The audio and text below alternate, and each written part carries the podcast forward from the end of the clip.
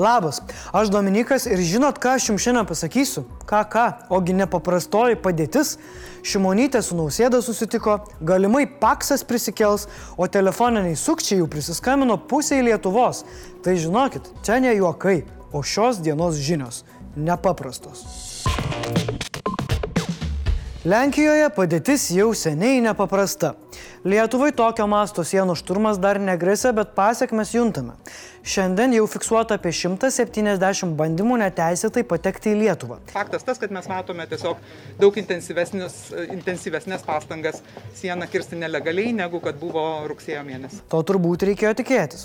Ko gero kažkas tiki patarlę, kai Lenkija uždaro duris, Lietuva atidaro orlaidę. Todėl vyriausybė suskubo uždarinėti langus ir orlaidės ir pasiūlė vienam mėnesiui pasienio ruožę įvesti nepaprastąją padėtį. Šiandien Seimas skubiai pritarė, kad padėtis yra nepaprasta ant popieriaus, todėl turėtų nepaprasta būti ir realybėje. Nepaprastoji situacija įsigalios nuo rytojaus. Kasgi ta nepaprastoji padėtis? Paaiškinsiu. Tai keturi apribojimai ir septynios priemonės. Apribojimai būtų tokie. Pirmasis. Nelegalūs migrantai patekę į Lietuvą negalėtų naudotis ryšio priemonėmis. Antrasis. Negalėtų skleisti ir gauti informacijos. Trečiasis. Į nepaprastos padėties teritoriją būtų ribotos galimybės patekti ir ten nebūtų galima deklaruoti gyvenamosios vietos. Ketvirtasis. Teritorijoje nebūtų galima daryti susirinkimų. Nuo priemonės šios naudotume valstybės rezervą, papildomai stiprintume sieną, ribotume transporto judėjimą, ribotume žmonių judėjimą, ribotume susirinkimus, apieškotume asmenis ir automobilius, konfiskuotume ginklus. Nepaprastoji padėtis galiotų visame pasienio ruožė prie mūsų sienos su Baltarusija ir 5 km į valstybės gilumą. Padėtis Lenkijos pasienyje prastėja. Baiminamasi, kad Baltarusijos pareigūnai ruošiasi stumti migrantus per sieną.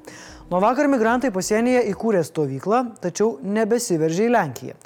Taigi Lukašenkos režimo pakalikai tikriausiai atvyksta paskatinti verštis. Tuo tarpu Ingrida Šimonytė dirba ir su kitu frontu - ES. Jos teigimu, bendryje turi griežtinti sankcijas. Tos institucijos, kurios dalyvauja organizuojant šitą nusikalstamą veiką e, turi kaip tik atsakyti pagal sugriežtintas sankcijas. Kol mūsų premjerė dirba su ES, netikras Baltarusijos prezidentas dirba su savo bendrininku Putinu. Vyručiai apsikeitė nuomonėmis apie padėtį pasienyje. Jei norite gilesnių išvalgų apie šią krizę, kviečiu šiandien 20 val. žiūrėti Laisvės TV laidą Spręskite patys. Niekas taip nesutaiko porų kaip bendras tikslas arba bendros bėdos. Dėl padėties Lenkijos pasienyje susitikti buvo priverstas prezidentas Gitanas Nausėda ir premjerė Ingrida Šimonytė. Daug šiausi valstybės asmenys akis į akį pasimatė po poros mėnesių pertraukos ir dar daugiau mėnesių įtampos.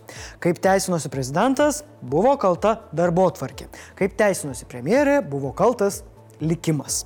Paskutinis prezidento ir premjerės darbo susitikimas vyko rugsėjo 6 dieną. Na čia remiantis oficialiais šaltiniais. Nu ką žinau, gal jie slapta susitinka paintball pažaisti arba, nežinau, salsos būrelyje, ne?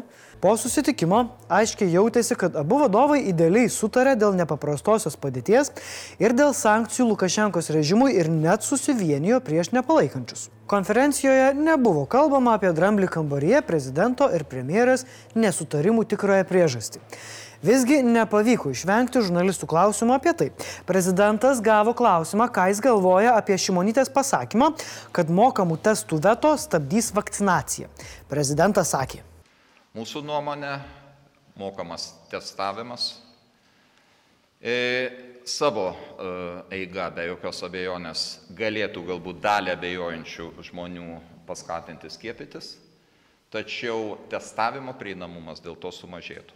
Na, nieko naujo, tačiau jo ekscelencija sakė kvieštų visas partijas ir premjerę pasitarti. Greičiausiai šis lyderių susimatymas nereiškia, kad įtampos neliko.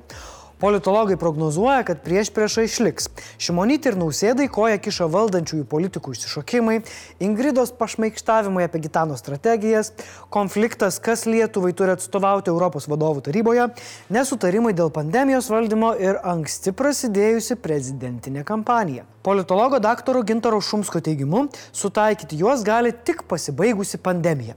Taigi, mėlyjeji, pandemiją turime įveikti ne tik dėl visuomenės veikatos, bet ir dėl šių dviejų žmogučių taikos.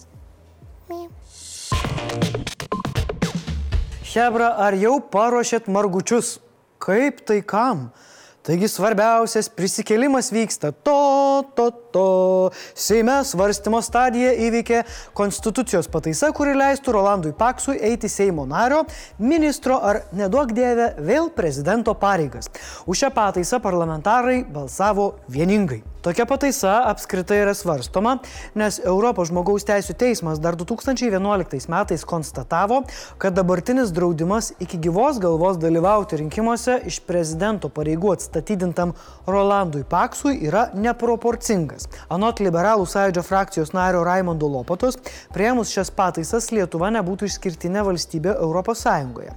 Visam laikui prarasti teisę vėl būti išrinktam galima tik Čekijoje, Portugalijoje, su išimtimis Prancūzijoje, na ir dar Lietuvoje. Laikinai prarasti teisę eiti šias pareigas priklausomai nuo įvykdyto nusižengimo rimtumo galima Armenijoje, Austrijoje, Azerbaidžiane, Latvijoje, Lenkijoje ir Sakartvele. Konstitucijos pataisos turi būti svarstomos ir dėl jų prieimimo stadijoje balsuojama Seime du kartus. Tarp šių balsavimų turi būti daroma ne mažesnė kaip trijų mėnesių pertrauka. Konstitucijos keitimas laikomas Seimo priimtų, jeigu per kiekvieną balsavimą už tai balsavo ne mažiau kaip du trečdaliai visų Seimo narių arba ne mažiau nei 94 parlamentarai. Prieimus pataisą, tokie žmonės kaip Paksas, tai yra nušalinti iš einamų pareigų ar apkaltos būdu praradę Seimo nario mandatą, praėjus ne mažiau kaip 10 metų po nušalinimo vėl įgytų teisę duoti priesaiką ir grįžti dirbti jau Lietuvos, o ne Rusijos naudai kaip geriausias Borisovo draugas. Tad yra visai nemaža tikimybė, kad prikeltas Rolandas Paksas dar duos jums visiems galimybę vėl už jį prabalsuoti. Ir aš žinau, kas galėtų būti prezidentinės kampanijos komunikacijos vadovė. Paks, paksa, geriausia. Dėl šių konstitucijos pataisų balsavo ir praėjusios kadencijos Seimas, tačiau svarstymas nebuvo rezultatyvus. Galiausiai šių metų birželio 10 EŽTT sprendimą įgyvendinanti konstitucijos pataisa įveikė pirmąjį laiptelį ir buvo pateikta Seimui. O tada nukeliavo iki šiandienos ir įveikė dar vieną svarbų žingsnį o visa kita jau tik dangum pakilusi istorija.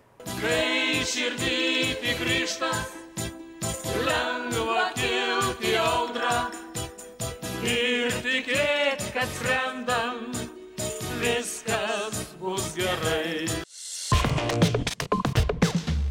Gavote laišką iš labai tolimo, bet labai labai labai turtingo giminaičio. O gal gavot SMS iš savo banko su prašymu įvesti elektroninės bankininkystės duomenis? Jeigu atsakymas teigiamas, reiškia esate toje pusėje šalies gyventojų, kurie šiemet susidūrė su telefoniniais ar elektroniniais sukčiais.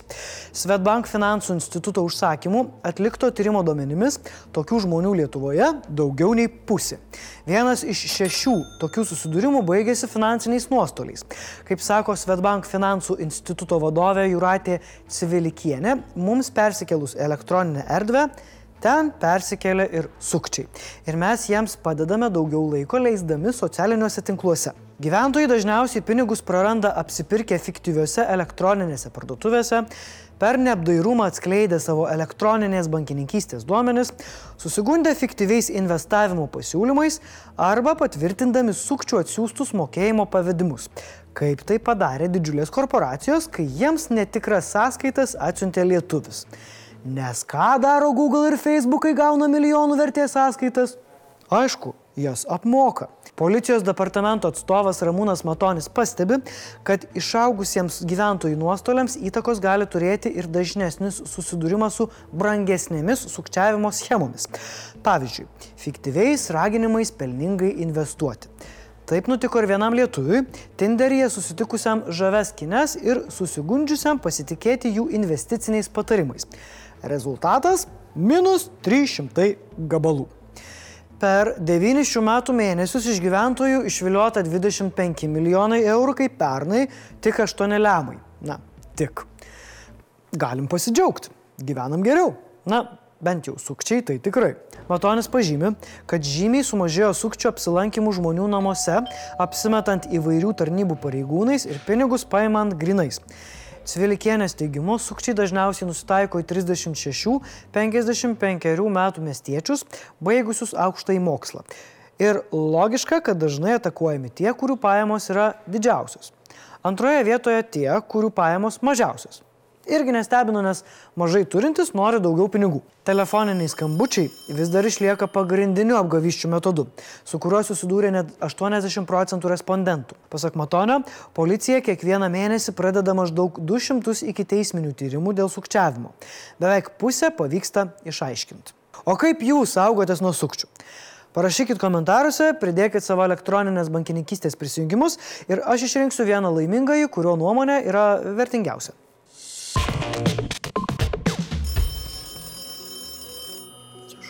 Alio? Slaptažodis? Blitz, naujienos. Užsakinėjamos vaikams skirtos vakcinos nuo COVID-19, o galimybė skiepyti 5-11 metų vaikus turėtų atsirasti gruodį. Pirmiausia, reikia sulaukti Europos vaistų agentūros sprendimo. Šiuo metu pasiskiepyti gali vyresniniai 12 metų žmonės. Austrijos ministrė Leonorė Gavesler į COP26 atvyko švarę sąžinę kitaip nei daugelis jos kolegų. 27 valandas trukusi kelionė traukiniu iš Vienos į Glasgą apsaugojo ministrę nuo kritikos. Daugelis COP26 dėrybų dalyvių jos neišvengė, kai kelionė į konferenciją, kurioje ieškoma būdų mažinti taršą šiltnamo efektą sukeliančiomis dujomis, pasirinko lėktuvus. Ir dar privačius. Stokholmas per pusę sumažino elektrinių paspirtukų, kuriais leidžiama važinėti gatvėmis skaičių. Suvaržymus jų naudojimui dar yra įvedusi Kopenhaga, Oslas ir Paryžius. Singapūrė, Vokietijoje, Prancūzijoje draudžiama jais važinėti šaligatviais. Parašykit komentaruose, ar teko būti nudaužtiems paspirtuko arba susidurti su elektroniniais ar telefoniniais sukčiais. Lauksime jūsų patirčių e, žemiau esančiuose komentaruose. Vakar kalbėjau apie išdavystės gyvūnų pasaulyje, tai šiandien pasižiūrėkim į pasitikėjimą ir pagalbą tarp gyvuliukų.